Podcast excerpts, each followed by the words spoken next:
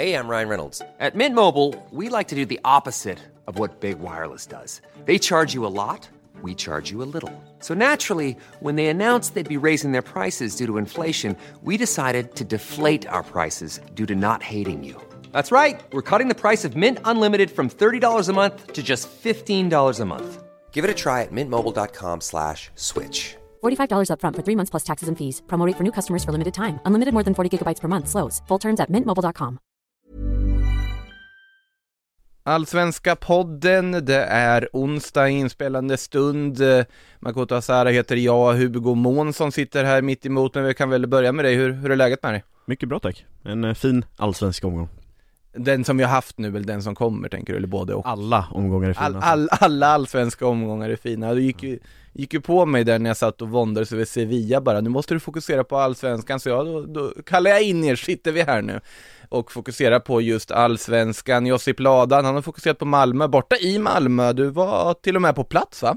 Igår? Korrekt så, korrekt så. Eh, det var en, eh, ska jag säga, eh, Eh, både väntad och samtidigt lite oväntad eh, upplevelse på, på många sätt, men det kommer vi till.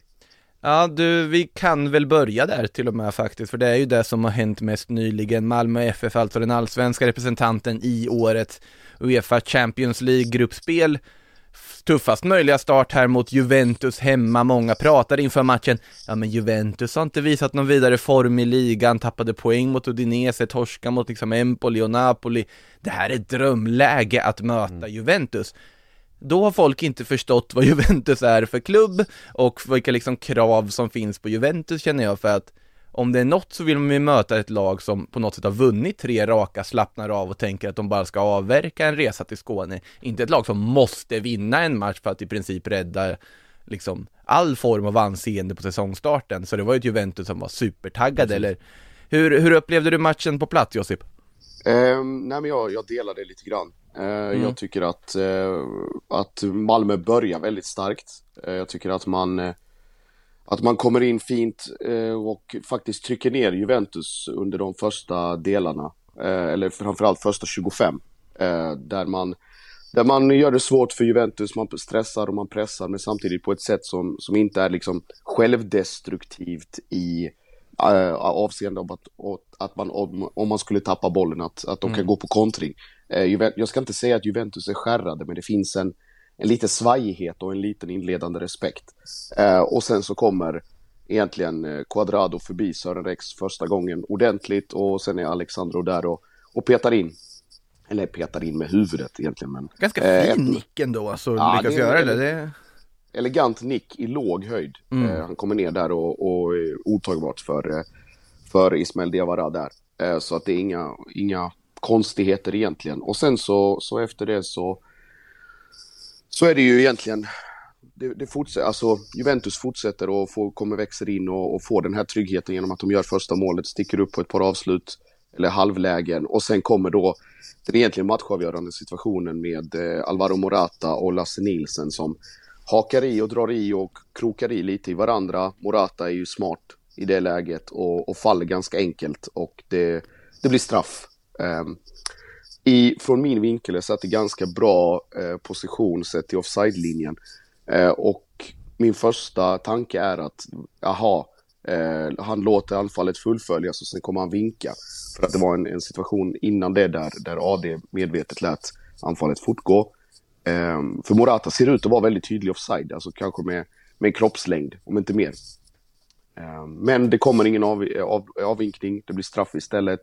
Man VAR-granskar den och många tror att den ska, genom att det tar lite tid, att den ska liksom försvinna. Det gör den inte. Uh, Dybala slår en ganska enkel straff mitt i mål. Diawara försöker släpa med foten men hinner inte och där är egentligen matchen över. Mm. Um, det är liksom 3-0 en, en biprodukt av det i, i nästa anfall. Malmö står och sover och sen så andra halvlek är mest en, en transportsträcka även om MFF försöker att, att ta sig fram och uppåt i banan och få väl ett par halvlägen och, och, och, och göra någonting. Men över det stora hela en, en väldigt rättvis seger för Juventus. En, en dag på jobbet för, för de italienska giganterna och um, Dejan Kulusevski inbytt. Moise Keane, alltså det finns ju, det, det, finns ju väldigt mycket att byta in. Samtidigt som MFF slänger in Adinalic, Sebastian Nanasi och den typen av, av liksom eh, spelare. Så att det, ja, det ska egentligen inte vara något snack. Det är väl mer bara att, eh, att man inte får utdelning på, på egentligen kanske det enda läget man har där Sören Rex får, får ett bra volleyläge och skjuter utanför i, i första halvlek. Men sett, sett över, över 90 minuter en absolut rättvis seger för Jobb. Ja, och den är ju också på något sätt väntad, alltså det har ju varit mycket diskussioner här efter, har man ju sett där med i och med också Olof Mellberg i eh, Telias Champions League-studio sa väl det där också att eh, Ja, han tyckte hur agerar försvaret, har de inte scoutat motståndet? Ja, det går att scouta topplag hur mycket man vill, men det kommer att se svajigt ut när man möter den typen av kvalitativt motstånd. Det är en sån liksom skillnad. Såklart Lasse Nielsen hade kunnat hantera den där situationen mot Morata bättre om man inte hade mött en så pass skicklig spelare som Alvaro Morata. Mm. Så att jag tycker också att det, det, är svårt att såga Malmö för mycket för den här insatsen. Tycker ändå att man visar de intentionerna man gör i början av matchen och ändå på något sätt också har ja, förvånansvärt bra koll på mittfältet tycker jag till en början i den här matchen sett till vad, liksom, vad man kan förvänta sig att en kvalitetsskillnad som borde finnas. Eh, Juventus som sagt, de får ju rätt marginaler i rätt tillfälle med sig och segern är ju såklart helt och hållet rättvis men jag tycker inte Malmö har någonting överhuvudtaget att skämmas för. Tvärtom, jag, jag tycker det är intressant det Jon Dahl Tomasson var inne på efter matchen och delvis eh, mm. innan avspark också med att de kommer inte att gå ut i, även i Champions League och backa hem utan de, de ska spela sitt spel för att Malmö FF ska utvecklas. Det, det är liksom, ja, det är jätterimligt. Det är ja, jätterimligt. och i framtid. Så att det, det är Olof Mellbergs kritik med scout, ja Visst, jag köper väl det att någon form av cynism måste finnas om man vill ha poäng med sig. Mm. Samtidigt som jag tror också med, med de starka resultaten som Malmö FF har haft med sig nu i, i på, på, kvalet in till, till Premier League, eller Champions League, eh, mot Ludogorets och, och, Rangers, att eh, det, det, funkar med deras 3-5-2. De, de, kan vara både cyniska och duktiga på att försvara, men även konstruktiva i, eh, framåt. Alltså det räcker ju med att ha Frans Brorsson på planen för att ha ett uns i laget, eller det, det, det, liksom, det, det täcker väl upp ja. det bara på att han är med där. Verkligen. det är en spelare som liksom vet, mm. vet hur man ska fila på reglerna i rätt lägen för att liksom eh, göra, det, göra det bästa för laget så att säga. Så jag, mm. jag tycker Reagerar också på en sak, kallas Jo Inge Berget för Jib ja, på riktigt? det gör han. Har, det, har, har, det, har han gjort det länge? Ja, det har han. Ja. Ja, det, ni märker, jag har inte varit i Skåne på ett tag. Då, spelarna själva brukar väl säga Jibben. Jibben, liksom. det där är också intressant, man alltid lägger till ett N på mm. sådana här smeknamn för att... Ja, men det är ju en person, så att det blir liksom... en, en, en, en Jibben, bestämd Jibben, nej, ja. vi... Bara en liten fundering. Det blir Svenska Akademin här. Mm. jag tror att Svenska Akademin vänder nog sig, höll på att säga i sina gravar, där är väl absolut inte, den finns ju, lever fort. Nej, innan vi snör in oss på saker vi absolut inte ska snöas in oss på så kan vi istället backa bandet till det Malmö gjorde inför den här matchen. Vi kan väl ha det som någon sorts utgångspunkt. Malmö FF mötte IFK Norrköping hade en 1-0-ledning, såg ut att gå mot tre poäng och sen så kom då den här situationen som har diskuterats en hel del efteråt med eh, då domare Adam Ladebäck som dömde en straff till Norrköping sent omsider. Malmö FF som, ja man kan väl säga att de inte haft marginalerna på sin sida. Alltid kanske i de senaste omgångarna har ju blott en seger på senaste fem matcherna då i och med att det blev 1-1 här mot Norrköping. Eh, inte nödvändigtvis tycker jag för att de har varit så dåliga nej, på något sätt utan snarare för att de inte har haft de här klassiska, klassiska plusmarginalerna med sig. Och, och det blir ju lätt så när man är inne i tajt eh, spelschema där de har haft andra inte viktigare ska jag inte säga, men, men mer viktigare för ekonomin där Champions League-matcher i kval och sen åka på, på Tele2 som de har haft enorma problem mot och, och, även om de är bättre än Hammarby över 90 minuter så förlorar de där. Nu är det samma sak igen att de tappar i sista möjliga sekund så att de har inte haft marginalerna med sig som du säger och det är ju, det är ju ofta det händer när man är ute och kvalar i Europa samtidigt. Nej, och då var ju en av de situationerna nu när de inte hade marginalerna med sig just den här straffen. Eh, ja, vad, hur upplevde ni den situationen? Vi kan väl börja där någonstans. Um, vi, alltså, vi ska bara klargöra att det är den här, eh, eller Totte Nymans straff i, i första halvlek och sen så är det ju då den mycket, mycket tveksamma icke-frisparken i slutet som Levi mm. skickar in i straffområdet och, och Adegbenro eh, nickar in i 95. Men eh, alltså, straffen, det, det, det, känns som att det är bara en copy-paste på en diskussion som kan appliceras i valfri allsvensk omgång i valfri match. Det kommer uppstå tveksamma straffar, mm. det kommer uppstå liksom situationer där där man kan lika gärna kan fria eller fälla. Och det, om vi bara tar den eh, situationen där med Rex och, och Nyman, det är liksom ska, ska man gå in i detalj och titta på varje sån liksom, duell, då kan man lika gärna spela handboll istället och, och, och gå tillbaka och, och, titta på varenda, varenda liksom, tröjdragning eller eh, armbåge eller whatever. Det är liksom, jag vet inte. I, i det läget, jag, Eh, svårt, alltså en svår situation, det uppstår ibland så när jag kommer spontant att tänka på när Malmö mötte Örebro i Malmö eh, och det ser ut som att eh, om det är Jack, Jake Larsson som sparkar egentligen på sin egen häl eller liksom ska sparka på bollen och Erdal Rakip petar undan den och sparkar på sig själv och får straff i, i princip i, i samma del av straffområdet som det här. Så att det, det, det uppstår sådana grejer. Däremot är ju den frisparken i slutet betydligt mer eh, eh, ska säga, kontroversiell eller, eller liksom eh, ska säga, avgörande. Ja. Mm. Omdiskuterad och avgör, direkt avgörande. För att alltså, spola tillbaka några veckor och då har vi alltså en, en assisterande domare som tar beslutet om att Peter Guargis ska visas ut eh, efter en, en, fot i bröstet på Marcus Berg. Det blir straff, rött kort och, och Blåvitt vinner. Inga konstigheter, det är liksom en situation i sig. Och där Glenn Nyberg är bra positionerad men att där den assisterande domaren tar det beslutet för att han ser det från en annan vinkel. Fine, inga konstigheter. Men det här, om du väljer att blåsa i det läget eller att ta det beslutet, då måste du vara 100% säker på att bollen träffar armen. Att vi, vi liksom hellre fria än fälla principen gäller ju fotbollen också och det är väl liksom någon oskriven regel om att det försvarande laget ska ha um, ska få bollen om det är en tveksam situation jag menar inte att det ska ske här per automatik, men jag menar att man måste vara helt övertygad om att bollen faktiskt träffar armen. Eh, och bilderna här visar att den tar klockrent i magen på Colak. Han är lite och flaxar med armarna, det kanske det är som, som lurar domaren. Men ja, alltså det, det är direkt faktiskt svagt av domaren, oavsett om det är huvuddomaren eller linjemannen, att vara så säker på sitt beslut och sen att det visar sig att det är så uppenbart fel. Jag vet att det är en bedömnings Sport, det går fort, du ska ta 300 beslut över en match, bla bla bla. Men det får inte ske gång på gång på gång att det blir samma situation. Malmö, Malmö liksom supportrar kommer, kommer påstå att det finns någon sån här domarkonspiration om att Malmö inte ska liksom tillåtas dominera, det är vilket i sig är skitsnack. Men att, att det liksom återkommer hela tiden i andra matcher också, att det blir avgörande situationer. Det föranleder liksom en diskussion om, om den allsvenska, eller eh, den svenska domarnivån i, i allra största allmänhet.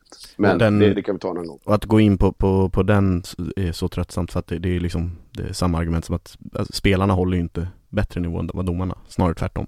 Så att eh, samtidigt som domarna såklart också ska betygsättas på ett annat sen, sätt. Sen, sen har det ju varit lite väl många, alltså situationer, kanske primärt förra säsongen var det ju väldigt mycket prat ja. kring vissa situationer. Det är det var ganska tydligt att det var liksom så är det. Och, och mitt i hela VAR-debatten dessutom som svensk, alltså man tittar mm. på supportersidan mm. så då, du får ju liksom, du rullas ju in i kära eh, och fjädrar och skickas ut från dina respektive supporterföreningar och säger men var det en bra idé?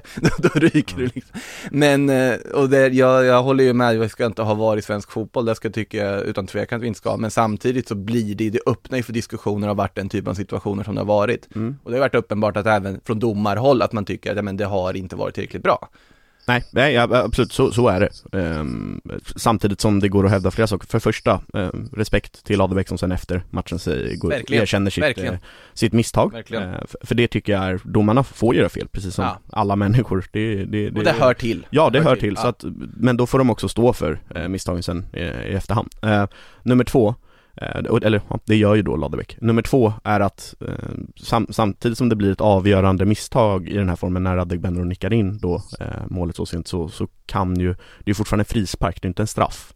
Det är inte ett eh, friläge som, utan det är en frispark som MFF ska kunna stoppa eh, i den, det skedet av matchen också. Eh, ja. det, det, är fortfarande en, det är inte så att de är chanslösa som i en straff till exempel där det är, ja. Det är ju inte så direkt matchavgörande, där finns det ju en markeringsfråga på att de ska ha koll Precis. på Adegbenro när han dyker upp. Precis, de kan liksom stoppa en frispark betydligt, eh, eller en indirekt frispark som slås in i straffområdet på ett bättre sätt än vad de hade kunnat göra om det hade varit en feldömd straff där det är en målvakt mot en spelare där, eh, där det är fördelaktigt för spelaren att slå in den i målet. Och det är just, det, jag ska inte gå in på den debatten här nu, det är just därför jag liksom också är emot VAR, att det är så godtyckligt när du kan ändra saker och inte. Mm. Och att det blir liksom, det känns inte som att vi kommer få någon absolut rättvisa, för det finns inte absolut rättvisa Nej. inom fotbollen.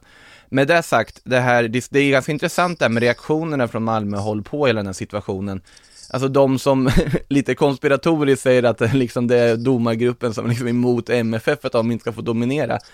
Sånt kan jag på något sätt ändå uppskatta, för det hör ju liksom, det hör ju till att vara en riktig storklubb. Då ska du ändå ha inställningen att vi är så bra så att alla vill oss illa. Att liksom den inställningen passar på något sätt Malmö FF, tycker jag i alla fall utifrån att att man, man ska ha den extremt höga svansföringen, det är inte Malmö FF annars.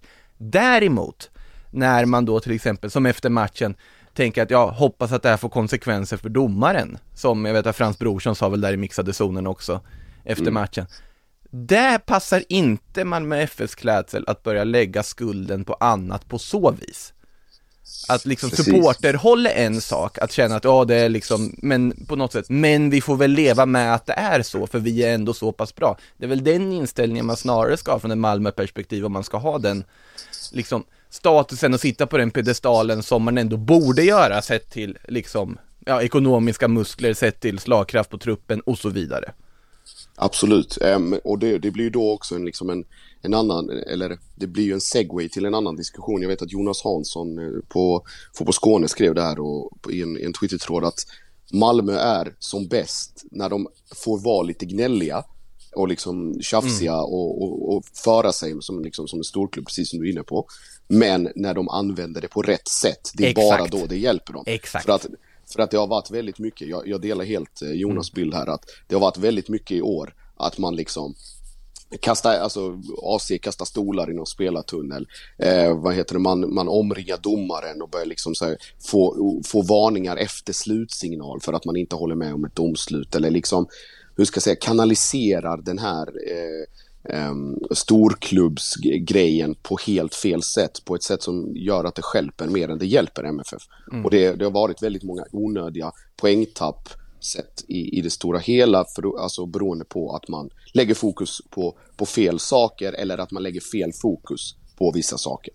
Så att man liksom prioriterar att, att gnälla på Ladebäck eller tjafsa med Nyberg gör liksom, ja, kanske om det hjälper i 15 minuten, jag vet inte, men att göra det efter ett domslut och sen kritisera och veva och ha sig, ja, det, det, är bara, det är bara onödigt för dem själva och det, det syns i tabellen också. Mm. Det gör det, det är ofrånkomligt. Nej, håller helt med där. Den där tabellen, ja, Malmö nere på fjärde plats väl, den uh, skiftar efter varje omgång här så man håller knappt ordning på dem där. Det är i alla fall samma topp fyra som ligger där uppe och slåss. Malmö alltså på den då fjärde av de placeringarna. Ett lag som hade en väldigt trevlig omgång om man blickar tillbaka då till helgen, det var ju Djurgården. Mm. Som vi var, varit lite oroliga för, hur ska det gå nu liksom formen? De kan inte göra mål, det ser lite svajigt ut. Man går in i ett derby mot Hammarby lite som underdog sett till hur de liksom har presterat. Vi, vi satt ju här förra veckan och ifrågasatte eh, deras anfallsspel, vad är det som har hänt? För, förra veckan, tiden Ja, förlåt, för, förra, förra veckan. Eh, och ifrågasatte deras eh, anfallsspel efter Aslak Vittry. Jag gick in eh, på, på Djurgårdens pressträff inför derbyt och frågade eh, Thomas Lagerlöf om eh, hur, hur stora är egentligen de offensiva problemen och han tycker att han, han eh, menar på att det, det, är inte så stort. Vi har haft lite resultat, eller svaga resultat på senaste, men anfallsväg, vi gör det liksom på samma sätt som tidigare, det kommer lossna förr eller senare. Eh, Hugo, ett, ett, han fick slut på, på Hugo Månssons snack eh, därefter för att eh, nu med 4-1 på, på Tele2 mot Hammarby så avfärdar de alla, eh, all skepsis mot, eh, mot eh, deras anfallsspel. Ja, alltså verkligen i alla fall för stunden med att man gör det man så sällan har lyckats göra för att mm liksom i den här matchen, man börjar ändå ganska pikt, man skapar lite, man ligger på och sen kommer 0 målet när Ludvigsson slår till. Och då tänker man, ja men here we go again. Nu kommer man på något sätt inte lyckas vända från det här, nu blir liksom ett läge där man snarare får publiken som någon sorts ok över sig mm. istället i ännu ett derby. Men någonting helt annat sker, man Precis. vänder om, man, ja, skåpar väl ut Hammarby helt, helt och hållet i slutändan. Ja men som du är inne på så inleder man matchen väldigt starkt, mm. eller väldigt starkt är väl en överdrift, men man inleder starkt och pikt. Ja, man, man driver tempot i matchen, ja. man, man, Djurgården inleder verkligen tempo starkt och eh, hotar redan i första minuten med någon sån här halvchans med, med Joel Asoro om jag inte missminner mig. Um, sen så kommer Hammarby göra ett väldigt vackert fotbollsmål får man säga. Uh, överhopp på kanten, Darby Bojanic en läcker genomskärare, ges in, Ludvigsson stöter in 1-0. Uh, fint. Hammarby Hammarby tycker jag vid den punkten eh, hotar lite mer. De, matchplanerna är tydliga från båda håll och båda går in med, med rätt matchplan. Djurgården som vill driva upp tempot, som vill föra matchen. Hammarby som mer vill ligga på omställning och hota genom jazz på vänsterkanten. Um, Sen kommer det, när, när efter det målet, då, då steppar ju Djurgården upp. Och jag tycker faktiskt att supportrarna också steppar upp direkt efter. Att de, de eh, sjunger på och stöttar faktiskt eh, laget. Det blir inte ett sånt där ok som, som du, du var inne på faktiskt, tycker mm. jag inte. Utan, eh, och Magnus Eriksson brinner där nere och ganska tätt där inpå så, så får man den där straffen. Eh, Chilufya görs ner eh, klumpigt av eh, Fjolesson och Magnus Eriksson trycker in sin egen straffretur. Och därefter är det ju bara ett lag på planen egentligen. Mm. Eh, och Djurgården vinner fullt rättvist. Nej, det, man är oerhört imponerad över hur de ändå tar tag i det här, liksom hela Djurgården och pratar, som du nämner, inte bara spelarna utan hela föreningen på något sätt liksom ligger bakom mm. den här liksom vändningen och att man vinner på det övertygande sättet och visar att nej, vi kommer inte ramla bort i den här guldstriden. Nej, ni har oroat er för mycket över att man inte kunde göra mål på Sirius. Det, det mm. finns fortfarande väldigt mycket kvalitet i det här laget. Det här är fortfarande en guldkandidat av allra högsta kaliber. Oh ja. Och de kommer ju vara med hela vägen in och slåss om det. Jag har väldigt svårt att säga något annat. Precis, och det, det är så viktigt i just den här matchen för Djurgårdens del att Magnus Eriksson som har varit så viktig och så mm. oerhört bra hela säsongen verkligen kliver upp i en stor match nu efter några, ja men en, en liten formsvacka, inte för hans del utan för Djurgården i stort mm. eh, och nu faktiskt leder som den lagkapten han är, leder laget och gör det med två assist, ett mål och, och är allmänt, eh, ja men vår kollega Per Boman skrev det att han är landslagsmässig i den matchen eh, och, och det är han verkligen. Det är han ju också också stundtals Magnus Eriksson. Oh ja. det, det, är ju fortfarande spelare som har enorma kvaliteter ja. och just det här som du nämner, ledaregenskaperna han mm. har. Eh, det är verkligen en ledargestalt som var otroligt nyttig för dem att få tillbaka när, när han väl kom tillbaka till Djurgården. Ja. Eh, Josip, något att tillägga om derbyt vi fick se? Um, jag tycker att alltså, det, går, det svänger så fort, men alltså, vi pratade både om, om tabellägen och, och mm. förutsättningar och, och, hela den baletten. Men jag, alltså, lika mycket som vi skrev att Bayerns seger mot Malmö kanske var deras sista biljett in i guldstriden så tog Djurgården i samma sekund och drog i nödbromsen för Hammarby här och, och sa tack och adjö. För att nu, nu står det mellan fyra lag eh, uppe i toppen och det är sju poängs skillnad mellan eh, Malmö och Norrköping på fjärde och femte plats. Så att det här kommer bli en, liksom en kvartett som, som kommer både springa om, förbi och efter varandra under en mycket, mycket intensiv höst. Eh, leder mig osökt in på, på matchen i Borås eh, mm. där jag var och mm. bevaka eh, och var på Elfsborg-Häcken. Där Elfsborg eh, mycket, mycket imponerande eh, vänder två underlägen eh, och egentligen vänder, vänder matchen från 2-1 till 3-2 på bara ett par minuter. När man har lyxen att byta in Rasmus Alm som springer som en terrier med, sin, med både liksom aggressivitet och mm. Med Per Frick som fortsätter att vara Per Frick. Eh, och med eh, Johan Larsson som ser ut att vara 31 år ung och har spelat på de allra största av scener med, både sin, sin lugn, sitt lugn, sin trygghet och sin, liksom, sina ledaregenskaper. Lite för precis vad Magnus Eriksson är för Djurgården är ju Johan för, mm, Elfsborg.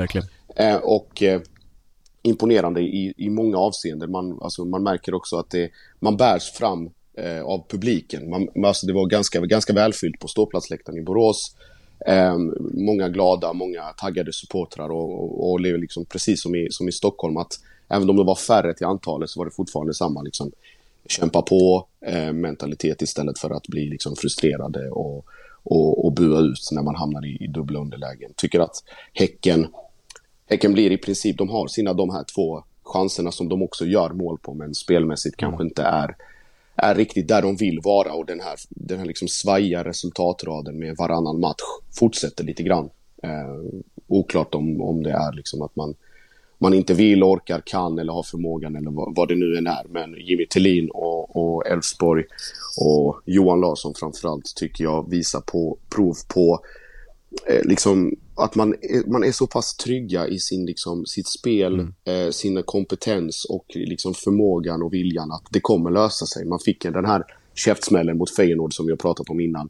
Men har efter det liksom vunnit fyra av fem senaste allsvenska matcherna. Skulle egentligen vunnit mot Hammarby också på hemmaplan när man hade 2-0 i, i 90 plus. Eh, tappat till 2-2. Men att man, man fortsätter tugga på, man fortsätter tro på den spelidé man har. Och kan kasta den här Elfsborg smyger med-formuleringen mm. långt åt skogen. Verkligen. För att det gör de inte. De, de är liksom, av de här fyra Um, nu AIKs lilla plump här, men jag skulle säga att de är kanske det, det bästa och formstarkaste laget just nu. Alltså, jag, vi, en fundering jag hade liksom, jag vet att du, du Hugo har ju hyllat Robert Gojani väldigt mycket, du är ju inte ensam om det. Och det här tappet känns som att det här kommer bli kostsamt, att Gojani försvinner, Holst römer. Du ler som att du tänkte säga ungefär samma ja, sak här. Ja, jag var precis på väg in på den saken och, och med, för jag antar att du också är på väg mot det att Simon Olsson nu är tillbaka från skadan och att han ersätter ju Gojani eh, alldeles naturligt ja, det, det är en bättre. blessing in disguise tycker jag. Ja. Alltså för att Simon Olsson, det är en spelare jag ska säga, jag gillar den spel, speltypen Är det någon som, som inte gör, gör det? Nej, det är i och för sig en bra fråga, men alltså när han kommer tillbaka nu och verkligen hittat formen igen att du får... Han, direkt efter skadan kliver han nu in och är i princip lika bra som han var ja, innan skadan. Ja, men alltså att han får, att det ger ju en extra dimension, mm. för att det här liksom tre blocket de hade innan, absolut, det funkade väldigt bra i systemet de har som är, ja, vi använde ordet cyniskt tidigare, det har ju liksom den den aspekten i spelet har ju Elfsborg verkligen använt i liksom det allsvenska spelet och haft stor framgång med.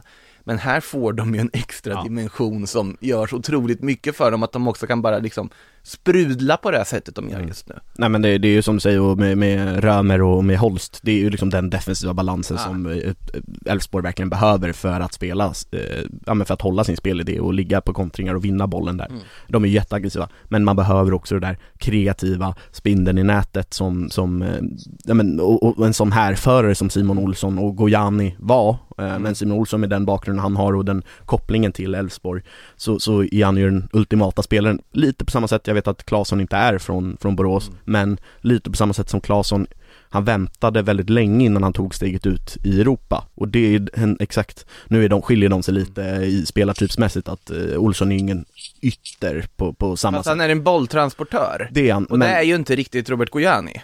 På samma jag tycker sätt. han har varit det i år. Ja, fast inte på samma, alltså Olsson har en annan höjd. Det, det har han. Han har en, en annan ja. offensiv höjd, ja. det finns en annan liksom Alltså Gojani är otroligt spelsinne, otroligt mm. skicklig på så vis som fantastisk fot. Men han har inte riktigt den här, alltså drivet som jag kan tycka att Simon Explosiviteten kanske? Ja men, ja, men mm. drivet. Ja, nej men eh, Simon Olsson är ju extremt skicklig. Han, han är ju åtta åtta, eh, alltså för att uttrycka det, i, i, i um, tröjnummerroller eh, så, så är ju Simon Olsson en åtta och en tia på samma, i, i, samma eh, sekvens liksom, eller vad man ska säga. Han, han, han är ju extremt skicklig eh, och det, det är nog guld värt för, för Elfsborg och det, det kan verkligen, märk väl på ordet, det kan bli guld värt med just att Simon Olsson är tillbaka i Elfsborgströjan i, eh, framåt hösten nu. Mm. Uh, vill, innan vi går vidare från den matchen vill jag stanna lite vid Häcken också, för där är man ju faktiskt lite förvirrad. Mm. Alltså för, för det var alla vet ju att säsongen började fullkomligt katastrofalt på alla sätt och vis för dem. Och på något sätt så sattes ju standarden för att det här blir ett mellanår redan där. Uh, det här blir inte året Häcken slåss om guldet som alla sitter och tippar inför varje säsong. Eller vissa tippar inför varje säsong att Häcken, nu, i år är det Häckens tur, nu kommer de lyckas till slut. Men de är, den här gången fick man ganska tydligt på pränt snabbt att det här är inte året i alla fall. Nej. Men de har ju såklart, de har på något sätt hämtat sig från det här och börjat ta lite vinster här och var, men det känns som en väldigt liksom medioker och halvhjärtad comeback alltihopa, att de fastnat i någon sorts mm. ja, dvala där i mitten utan att man riktigt vet vad man har dem. Folk brukar säga det, det går snabbt i hockey, eh, det, det går snabbt i, B, B, i BK ja, Men går det snabbt? Alltså det, det känns ja, som att det, det går inte snabbt, det svänger snabbt då, eh, för att de, de eh, Andreas Alm lämnar och de tar in eh, Per-Mattias Högmo mm. som omedelbart fixar några starka resultat. Ja. Men sen därefter när man tror att allt ska vända och Häcken ska blanda sig med Kalmar, Hammarby, Norrköping om det där jobbiga segmentet precis under toppen, så, så gör de svaga resultat direkt efter. Så att man vet inte alls vad man har dem. Nej för nu är de ju i ett läge där de liksom slåss om att vara sidade i Svenska Kuppen. Det är ju det är där vi är liksom.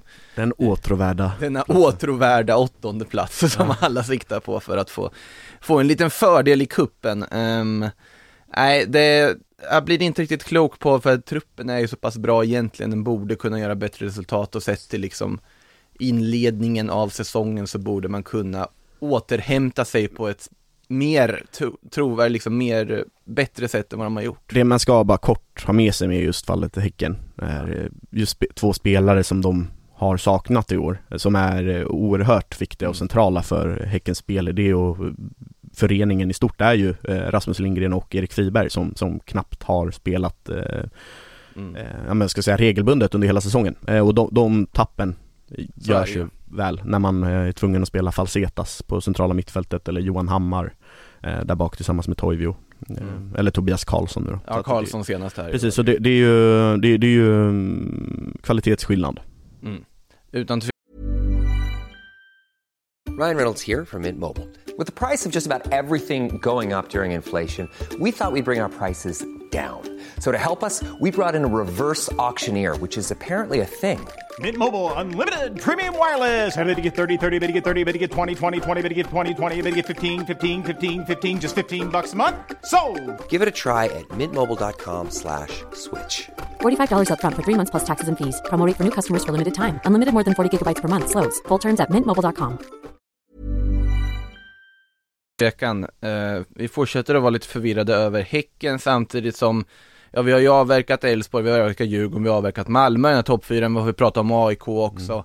Mm. Eh, åker på en liten plump i protokollet efter att ha varit eh, oförskämt stabila och eh, i bra form tidigare. 0-0 borta mot Mjällby, de är ju långt ifrån ensamma i sällskapet att åka på plumpen mot just Mjällby. Djurgården hade ju också en 0-0 match mot dem och så vara på hemmaplan och hade ju problem att sätta en boll även borta ja. på Strandvallen. 0-0 eh, alltså här, ganska jämnt i chanser. Jag tycker Mjällby var bättre. Eh, ja, till och med det ja. Ja, det, det, tycker jag. Framförallt i första halvlek. Jag, jag, kollade inte lika noga i andra halvlek, men i första halvlek tycker jag att eh, Mjällby verkligen har gjort läxan och om Olof Mellberg ifrågasatte Malmö FF scouting av Juventus så tycker jag att eh, Mjällby eh, verkligen hade scoutat AIK väl för att eh, inte ens på fasta situationer tycker jag att AIK hotar speciellt mycket utan Mjällby utnyttjar eh, sin styrka och, och, sin explosivitet där framme med, med Bergström och med firma Bergström och eh, Sar, Sar eh, och Sar är ju eh, han, han spritter ju av självförtroende och är farlig i nästan varje anfall. Eh, David Löfqvist har en frispark i, i ribban eh, mm. tidigt så att eh, jag tycker Mjällby var, var snäppet vassare än AIK. Sen så är det ju kanske en styrka då i AIK att när det inte stämmer för dem en dag, eh, ja men som i måndags mot Mjällby så lyckas man ändå hålla tätt och bärga med sig en pinne på en ganska tuff bortamatch. Ja, och eh, såklart alltså AIK, det är ju långt ifrån kört för dem bara för att de fick ett kryss här fortfarande i allra högsta grad med att slåss där uppe samma poäng som Djurgården i toppen, men det måste ändå känna att den där pinnen, om man tittar på Mjällby i tabellen, nu är liksom senaste tre, det är en vinst och två kryss totalt. Mm. Och det finns någon form av, det känns som att de har hittat formen för att fixa det här kontraktet väldigt tydligt. Att man kan plocka pinnar på det sättet man har gjort mot Djurgården och AIK i matcher där ingen förväntar sig att de ska ta pinnar. Ja, det är ju guld värt. Mm. Alltså de, Verkligen. Ja, det, det, är på något sätt att det är precis den typen av oväntade poäng som på något sätt kan rädda ett kontrakt, absolut. I de här matcherna de väntas ta poäng eller väntas kunna ta poäng. Såklart du måste kunna vinna de här sexpoängsmatcherna också. Men bara det faktumet att du ändå får med dig andra poäng som du inte förväntas få med dig sätter dem i ett helt, helt annan sits än många andra klubbar just nu. Så jag tycker att det finns all anledning att eh, titta ljust på framtiden i Listerlandet i alla fall för att det, det ser bra ut tycker jag, det ser stabilt ut. Mm. Även om tabelläget är någorlunda prekärt så finns alla möjligheter att klättra lite också. Även om truppen i sig och potentialen kanske inte är skyhög så men det finns spännande spelare Absolut. där. Och, och interimtränare Torstensson har ju verkligen fått uh, fart på grejen också. Han har identifierat att uh, anfallsparet uh, Sarro och Bergström kommer lösa det med Löfqvist där bakom. Mm. Med, med en fram stormande Kadir Hodzic till vänster och Joel Nilsson till höger så, så finns det intressanta spelare som kan lösa poäng åt dem. Ja, Definitivt, och sen får man inte heller underskatta de två lagen därunder Nej. som håller på och fäller krokben för sig själva hela, hela, hela tiden. Um, Örebro, som vi pratade om för två veckor sedan, som att ja, men det är väl klart att de ska klara det här. Jag vidhåller det fortfarande. Just det, vi sa kanske jag kom, något sånt ja. jag, jag, kommer, eh, jag kommer att vidhålla det ytterligare eh, om det behövs. Men att, att man håller på och gör livet så onödigt svårt för sig själva, det, det gör man. Tänker främst på Nasiru Moros mm. fruktansvärda mm. hjärnsläpp. Eh, och, och skallningen mot Robin Tranberg. Och sen efter det är det tack och godnatt.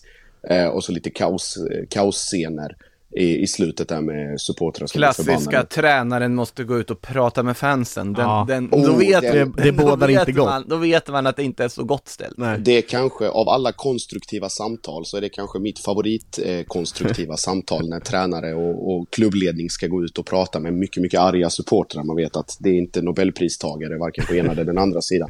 Men alltså att, att man, att man eh, Mjällby mår bra av att ha liksom att fokusera på sig själva men också någonstans ha i bakhuvudet att Örebro och ÖFK har ännu större problem och är i en ännu sämre form och har mycket mer skit att hantera själva än vad, vad Mjällby har så att de kan titta uppåt mot, mot Degen och HBK. Men, men Josip, Ehm, ja, du vidhåller alltså att Örebro, eh, de, de stannar kvar? jag, tror, jag, i, jag vidhåller det med, den, med tanke på namnen och, och kvaliteten som finns i det där laget. Jag, jag Och jag backar säkert från det. Jag, jag tror, jag tror inte, ja jag, jag, jag var- minst lika säker som dig förut att, eh, Ja. jag, jag tror jag satt här i den här studion och sa det att eh, Örebro stannar kvar med, med de spelarna, men jag, Mm. jag tror faktiskt inte det längre. Och jag, Nej. den onekligen fegaste av oss tre här, säger att jag, jag väljer att låta det vara osagt. Jag insåg nu när du, jag insåg när du sa det nu Josip, bara just det, vi satt ju här och sa att Örebro är för bra, de kommer alltid ha en bra höst, tror jag jag sa något sånt. Men alltså så här, man bara tittar på resultatet. Hemmamatch på Bern Arena, du möter Varberg och du förlorar med 0-3. Alltså det, såklart att siffrorna rinner iväg på Moros, alltså liksom, ja, hjärnsläpp där i första halvlek. Jag ska återkomma till det, här, finns en liten fundering där också. Men alltså, oavsett hur siffrorna rinner iväg, oavsett om det är talande för en matchbild eller inte, utan att säga det här eller 0-3 hemma mot Varberg. Alltså det, det är ett sånt resultat som man bara tänker att det här är ju verkligen, det här är ju ett lag som kan utan tvekan åka ur. Ja men det, det finns en, en sak jag stör mig på med hur du, ja det är en sak jag stör mig på i hur du formulerar den där eh, funderingen och det är ju att Ja, noll med all mot- respekt mot Varberg. Ja, för Varberg är inne i en bra period just nu. Absolut, Ehm, Och de absolut. ska inte underskattas. Nej, men 0-3. Ja men Varberg har fyra segrar på de fem senaste. Eh, Örebro är ju i motsatsen i formmässigt. De, de är ju fruktansvärt svaga och Moros hjärnsläpp eh, sätter ju verkligen eh, bilder på det, eller beviset. Ja, ja, absolut, absolut. Och det finns ju jättemycket logik bakom siffrorna och Varberg Mm. gör en jättebra match och ett svårslaget lag. Men bara symboliken i det, oavsett vilken form Varberg går in i. Oavsett, alltså det, det hade varit samma symbolik oavsett om du förlorar, alltså förlora med 0-3 hemma kanske jag ska uttrycka mig snarare. Det är inte att du förlorar med nog mer 0-1, 0 rättvisande. Det är nog en bättre, med all respekt till Varberg återigen, vad inte menas som någon sorts hån mot den föreningen och allt positivt de gör ska sägas.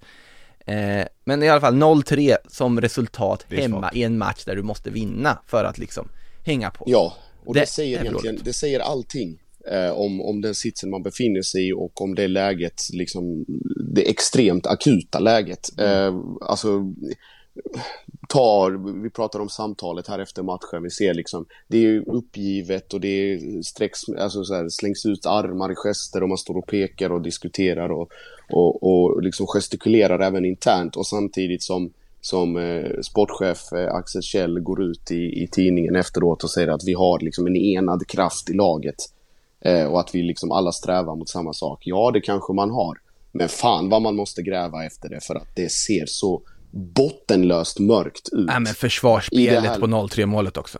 Ja, det, det där är, det... Det- där är som att, det är som att ens, ens tv-spels handkontroll dör. Liksom mitt i, mitt i en match. Så man bara slutar och, och liksom springer, man kan inte göra någonting. Det är lite, lite, lite samma, samma känsla. Men- Men, med, ja. det sagt, med det sagt, jag tror på ÖSK. Jag kommer försvara min tes ytterligare ett par omgångar. Eh, så att eh, den som eh, anklagar mig för att vara vindflöjel får gärna tänka om. Jag, jag, vill, jag vill lägga en helt annan anmärkning på det du sa här att eh, nu för tiden med de nya moderna fotbollsspelen på tv-spel så eh, funkar det bättre att försvara när du bara lägger bort handkontrollen. Ja, det, så, att, så, så, så det, där var, det där var snarare när du liksom bara lite på måfå, den försöker försvara på Fifa, det är då det ser ut sådär. Nej, men eh, alltså just röda kortet vill jag ju också komma tillbaka till, Nordin Gerzic, lagkaptenen för övrigt, eh, högst delaktig i den liksom uppvisning i bedrövligt försvarsspel och eh, liksom bottenlös bedrövelse som 0-3 målet var. eh, var ju väldigt kritisk, väldigt öppet mot Moros liksom röda kort, att du får inte göra sådär och så vidare. Jag har gjort det förr, la han väl till också med liksom otrolig självdistans och självförståelse liksom.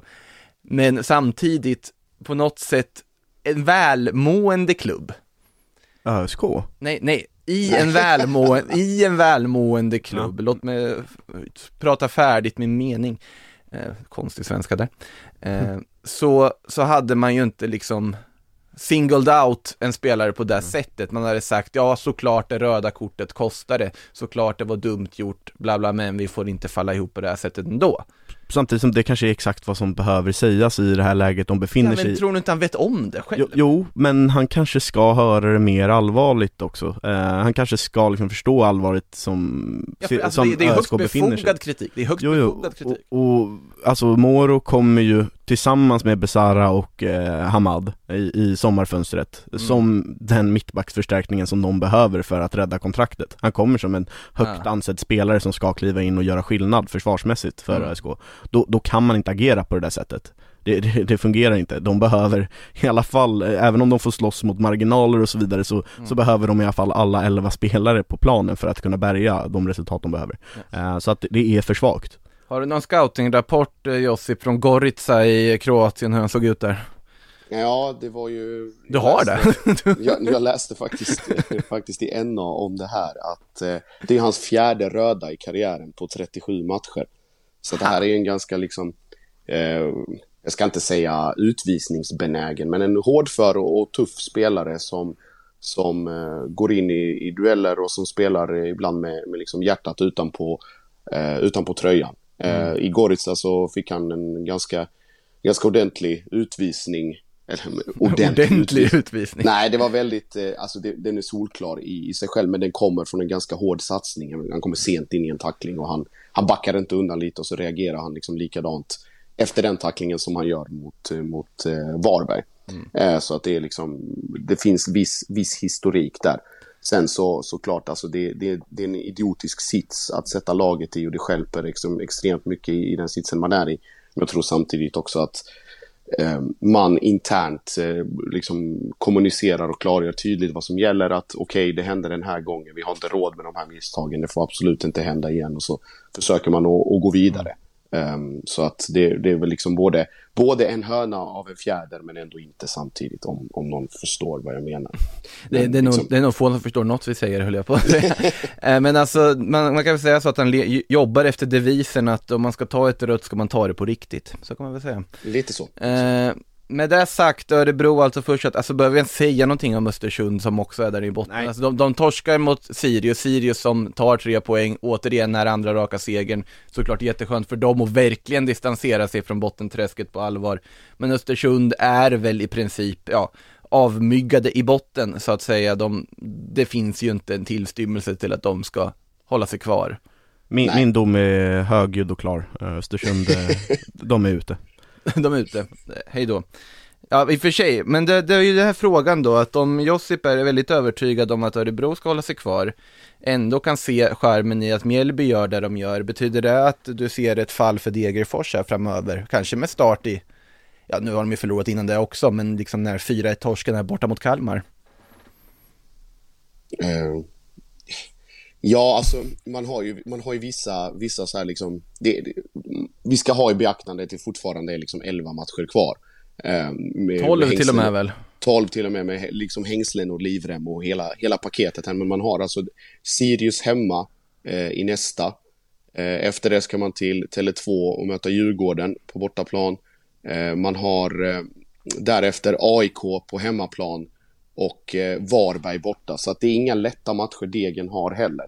Det finns en absolut en risk att, att de liksom i, i kombinationen med egna prestationer eh, kontra att de ser Mjällby eh, varva upp bakom sig eh, blir lite oroliga. Men samtidigt så har de ju också, det är lite samma, samma sits för, för HBK som är på 20 poäng. Och sen så har vi den här lilla, lilla gänget med Sirius, Häcken och Göteborg på 22 och 23. Så att Degen ska, ska absolut vara, vara oroliga. Eh, och med tanke på att den närmaste konkurrenten bakom Eh, har, verkar ha hittat någonting som liknar form i alla fall. Mm. Eh, sen så, så, som sagt, och det, det kommer ju sägas i diverse olika intervjuer och, och snack framöver också, att det är bara den egna prestationen vi kan påverka och bla bla bla. Men lika mycket som man har hört den klyschan, lika, lika mycket vet man att det är skitsnack. För man, man tittar i tabellen, man pratar internt mellan varandra, men det, det är ingenting man kommunicerar för oss i media, som de brukar säga.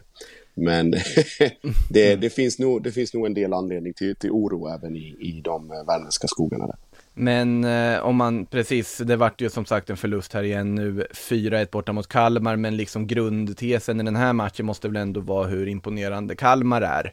Med sättet mm. de flyter fram, Oliver Berg två mål här, Sebastian Ring får näta, Isak Jansson dessutom.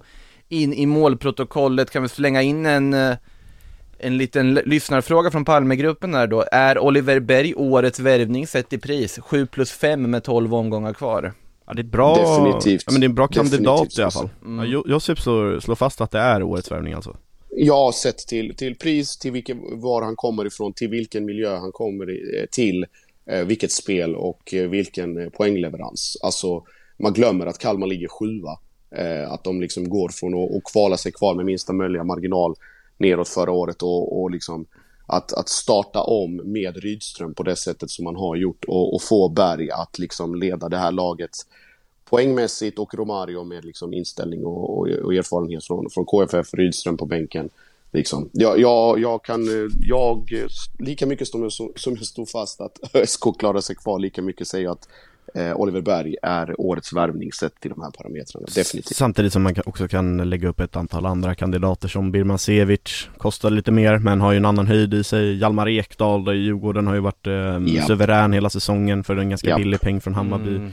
Eh, det, det, det, finns ju mängder av bra värvningar. Eh. Mm, helt klart. Men Adek, samtidigt... Adegbenro har ju inte varit jättedålig. Han har inte varit eh, dålig, nej. Han glömde jag bort.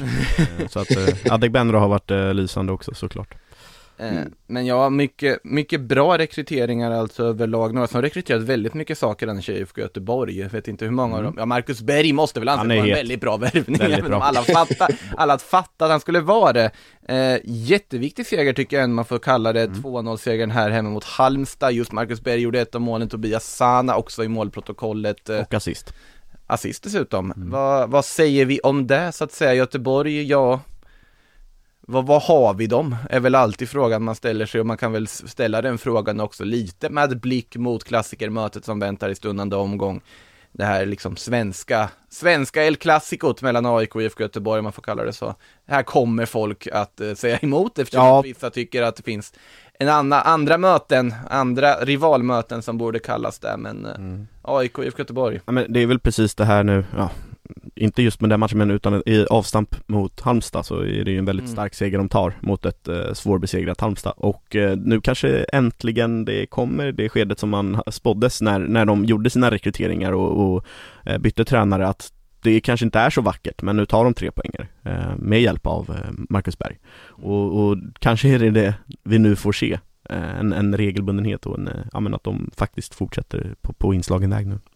Ja. Och det är framförallt, det kommer ju inte behövas någon extra motivation till att åka till, till Solna och möta AIK eh, som jagar guld och att man vill förstöra de, eh, de planerna där inför eh, storpublik. Så att det är, jag tror att, att Micke Stare behöver, inte nog, behöver nog inte hålla något extra liksom, passionerat eller uttrycksfullt eh, brandtal i något omklädningsrum utan det är både han och, och spelargruppen är nog extremt medvetna om om vad som väntar om man tar med sig en fin känsla från, från segern mot Halmstad. Så att jag tror att, även om med all respekt till Malmö FF Djurgården på, på lördag, så tror jag att den största känslomässiga och liksom hetsmässiga knallen kan nog komma i, på Friends på, på måndag.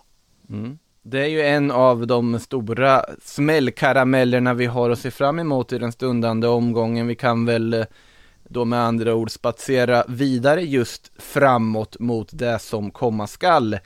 Eh, I övrigt är det ju såklart lördagens eh, superdrabbning Malmö FF mot Djurgården. Alltså jag tycker att det här är en ofantligt svår match att tippa på mm. förhand. Alltså mm. det är, det är en ren trisslott vad, vad, som kommer att ske. Alltså klart, Malmö har hemmaplansfördel, mm. Malmö på pappret har ett bättre lag och så vidare, men de har också De har Juventus-smällen i ryggsäcken, på både gott och ont, skulle jag säga. Både Mm. gott och ont.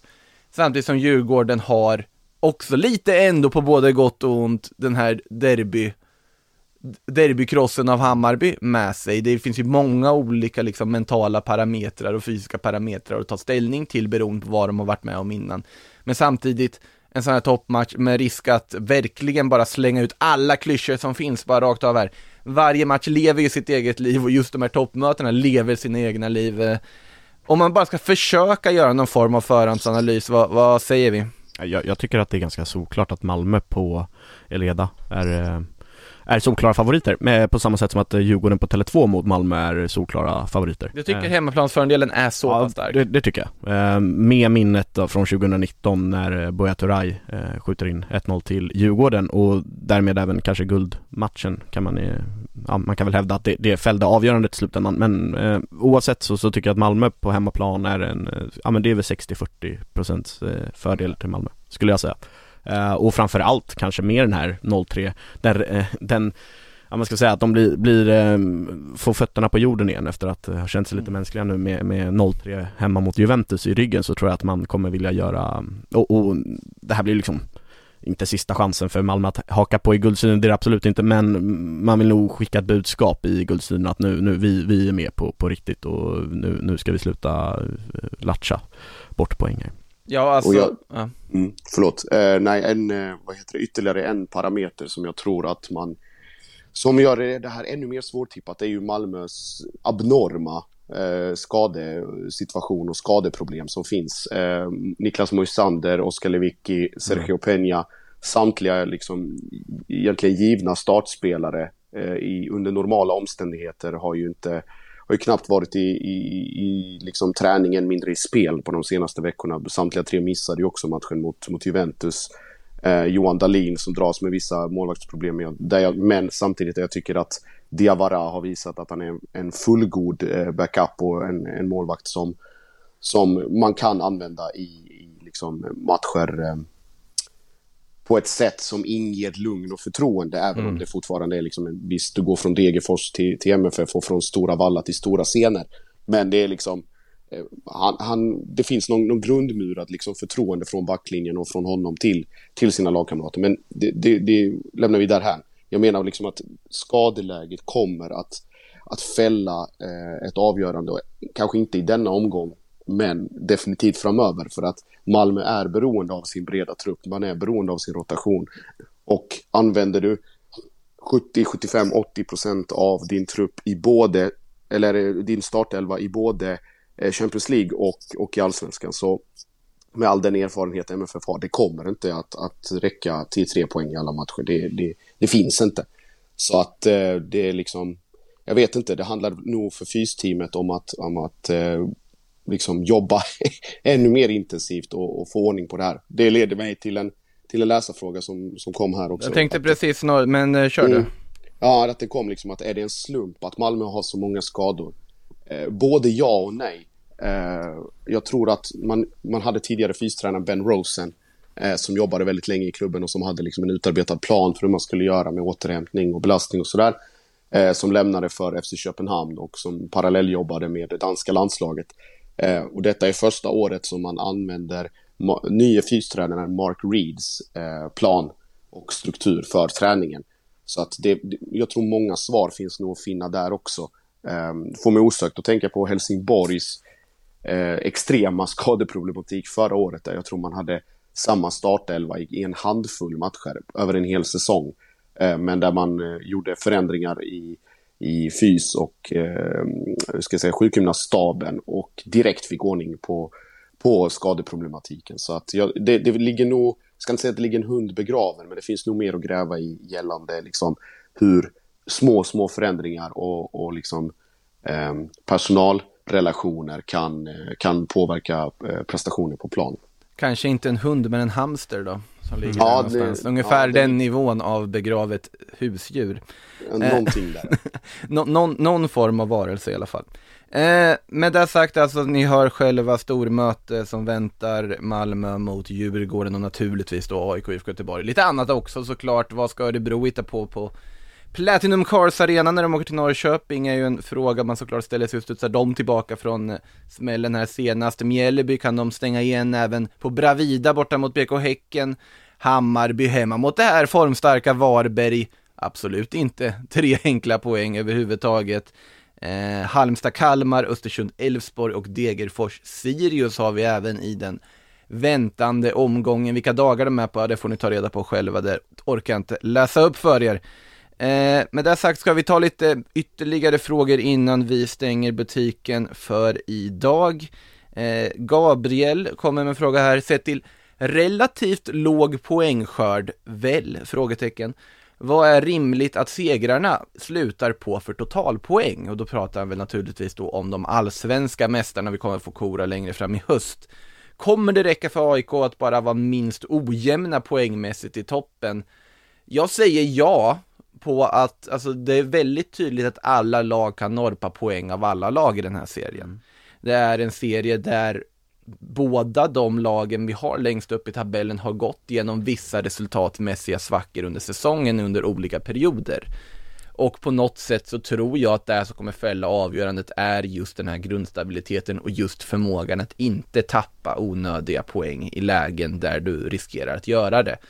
Alltså det här är också en klyscha, men vinna matcher där du kanske egentligen inte förtjänar att vinna. Eller mm. vice versa, vi, se till att verkligen vinna alla matcher du förtjänar att vinna också. Men det, det, vi är ju inne i ett väldigt viktigt skede av säsongen. Mm. Eh, kolla på Djurgårdens spelschema exempelvis som är en av guldkandidaterna som, som nu har MFF borta, Degerfors som man, på hemmaplan som man ska vinna men Östersund borta också en ja. seger där men, men AIK, derby sen och Elfsborg Ehm, på hemmaplan. Det, det är liksom, det, det, de storlagen och de guldkandidaterna möter ju varandra nu och avlöser varandra där och det, det kommer ju såklart Det krävs ingen raketforskarutbildning för att eh, fastslå det men Men det kommer ju såklart avgöra väldigt mycket Hur det ser ut, med, med start redan nu på, på lördag och, och Ja men AIK och Göteborg avgör väl kanske inte guldsidan för att det inte är två topplag men för AIKs del då att eh, besegra dem mm. Eh, ny fråga här, David Vukovic frågar vem vinner skytteligan i Allsvenskan och varför är det Marcus Berg? Ja, då måste han göra ganska många mm. mål va, om man ska hinna ikapp där. Ja nej, han, han vinner ju inte skytteligan. Nej, nej, nej, det, det förstår jag. Han har ju, han har ju dock ett, ett eh, bra målsnitt och har väl gjort eh, den absoluta majoriteten av IFK Göteborgs senaste mål också. Mm. Så att jag, jag, vet inte hur mycket han är uppe på, är det en 5-6 baljor redan? Eh, Möjligt. Ja, han är ju uppe på en hel del. Han är ju redan uppe på fem. Och det är ju bara mm. fem mm. upp till då Adegbenro som leder på tio. Samtidigt som han, Norrköping verkar gjort... hitta formen och Adegbenro är fortsatt i form. Så att han tuffar, tuffar på, men samtidigt så har, ju liksom, har han gjort fem mål på, jag tror det är ganska få matcher också. Mm. Så att eh, Berg, Berg, han kommer nog göra sina. Sen om det räcker hela vägen, det, det vet jag inte. Jag tror att han kommer sluta på ja, lätt en, en 8-9 i slutändan, utan tvekan. Ja, alltså det, det, krävs, det är nästan liksom ett underbetyg om man bara gör tre mål på resterande det det. 12 matcher. det är underbetyg. Så att jag skulle väl säga att faktiskt helt ärligt, han är inte helt, alltså han är inte helt avskriven från en skytteligatitel. Fast han kom mitt i säsongen skulle jag säga. Han har väl samma chanser att vinna den som eh, Christian Kouakou i Sirius i mitt tycke. Ja men alltså titta på liksom Adegbenro så har ju liksom majoriteten av hans mål kommit under våren. Alltså, man gjorde hur mycket mål som helst där i början, sen har de ju droppat in lite på på uppslut senare också. Han har ju också haft skad, han har haft skadeproblem. Absolut, absolut. Det är ju en jättestor del i det också, mm. att han är frisk nu. Sen, sen, det finns ju många aspekter här. Hur, hur kommer Colak att matchas när det väl liksom brinner till i liksom Champions League-gruppspelet och du börjar ha de matcherna nu som du kommer ha varannan vecka? Kommer, kommer han att vilas ibland? Har Malmö råd att vila honom ibland? Det är också en aspekt. Det, det är inte riktigt att man har råd att börja rotera runt allt för mycket i det här läget. Birmancevic med hans fantastiska form är faktiskt på sju mål just nu, bara ett bakom Colaks åtta. Ska vi inte heller räknas bort. Ja, Oliver Berg som vi nämnde uppe på sju, Per Frick på sex mål. Det, det är väl i princip bara Aslak von Witry på fem här som man kan liksom skriva bort helt och hållet. Det känns som väldigt många kandidater finns till att faktiskt ta hem den här skytteligatiteln i år och att man ändå har kommit en, alltså målproduktionen har varit ganska bra på de som liksom har gjort flest också, tycker jag i alla fall. Mm. Det räckte väl, mm. hur många gjorde Kalle Holmberg när han vann skytteligan? 14? Ja, 14-15. Något i den stilen, och det är ju anmärkningsvärt att det här räckte till en skytteligatitel tycker jag. Men det brukar ju, eller Jag har haft det här argumentet flera gånger, men det, för, för det känns som att varje år hamnar skytteligavinnaren på runt 15 mål. Jo, jo så är det, men jag tycker det har ju varit högre än så också. Absolut, det har varit högre någon gånger också. Eh, men samtidigt, det känns som att det, det finns många kandidater som kan ta hem den och jag tycker det inte är osannolikt att Marcus Berg faktiskt kan springa ikapp, men då måste IFK Göteborg som lag hitta en helt annan nivå än vad de har haft också. Ska ju sägas, Ja. dessutom. Eh, med den lilla diskussionen eh, avklarad så är det väl bara att ladda för helgen. Vad, vi har pratat om de stora grejerna, men vad ser ni mest fram emot? Vi börjar med dig Josip. Eh, som jag var inne på innan, det är det som kommer efter helgen. AIK Blåvitt. Eh, men givetvis också eh, Malmö, Malmö-Djurgården. Jag tror att det kommer bli en, eller tror, jag är helt övertygad om att det kommer bli en match med extremt mycket känslor, både från läktarhåll och på planen. Eh, de här två lagen är, eh, eh, hur ska jag säga, de är inte så glada i varandra. Eh, av, av flera anledningar. Dels konkurrensmässigt men även på hur det har sett ut på, på planen. Att det, det är hårt, det är aggressivt och det är ibland faktiskt direkt fult från, från båda håll. Eh, så att eh, det kommer nog snackas en hel del och den som dömer matchen kommer nog ha en hel del att göra. Eh, han kommer hamna i, centrum oavsett eh, vad som händer och, och hur matchen slutar. Men han har nog en, en hel del att, att göra just, eh, just där. Att hitta en bra nivå och, och försöka att liksom, hur ska jag säga, hålla de här hetsporrarna och, och känslorna i, i styr. Så att eh, Djurgård, eller eh, Malmö-Djurgården jätte, jättekul och men AIK Blåvitt med allt vad det innebär eh, på, på måndag. Hugo, om jag känner dig rätt, är det Halmstad-Kalmar du bänkar dig för på söndag eller? Den är helt klart en kandidat, men eh, Malmö-Djurgården lockar ju mest. Sen så fastnar jag faktiskt lite för Norrköping-Örebro, det där semirivalmötet faktiskt också. Tycker jag är roligt och, och framförallt se, kan Norrköping fortsätta? Kan, med, med en Totte tillbaka och Adegbenro på topp Mm. och, och Levi i, i, som börjar hitta form också, då, då kan det bli, gå undan på, på eh, parken. Oskar är Jag för ska- bra för Örebro tror jag kommer sjungas på något sätt. Eh, liksom. Nu när man inte kan sjunga Kalle är för bra för Örebro som de gjorde förr på läktarna. Är han det ens? I alla fall enligt Norrköping-fansen så tyckte de den Kalle Holmberg eh, huserade där en gång i tiden. Eh, en gång i tiden, så länge sedan var det ju faktiskt inte han gick Jag från kan, Norrköping. jag kan meddela att matchen mellan Malmö FF och Djurgården kommer dömas av Mohammed Al-Hakim. Så att vi har, vi har en hel del eh, att se fram emot, både i, i domarinsats och kortväg, men även i, eh, i spelväg. Så att det ska bli, det blir fantastiskt. Lördag 15. Vi får också en domare som kan stå för sina beslut i efterhand också, tycker jag i just Al-Hakims fall. Det är väl en av de liksom framstående från början där med att verkligen förklara hur han resonerar i efterhand och sånt där och bemöta media, tyckte jag i alla fall. Eh, med det sagt så laddar vi bara för dig helt enkelt och tackar er som har lyssnat och tack framförallt också såklart till Josip och Hugo för att ni var med här. Eh, på återhörande från den allsvenska podden med andra ord. Bye. Du har lyssnat på en podcast från Aftonbladet. Ansvarig utgivare är Lena K Samuelsson.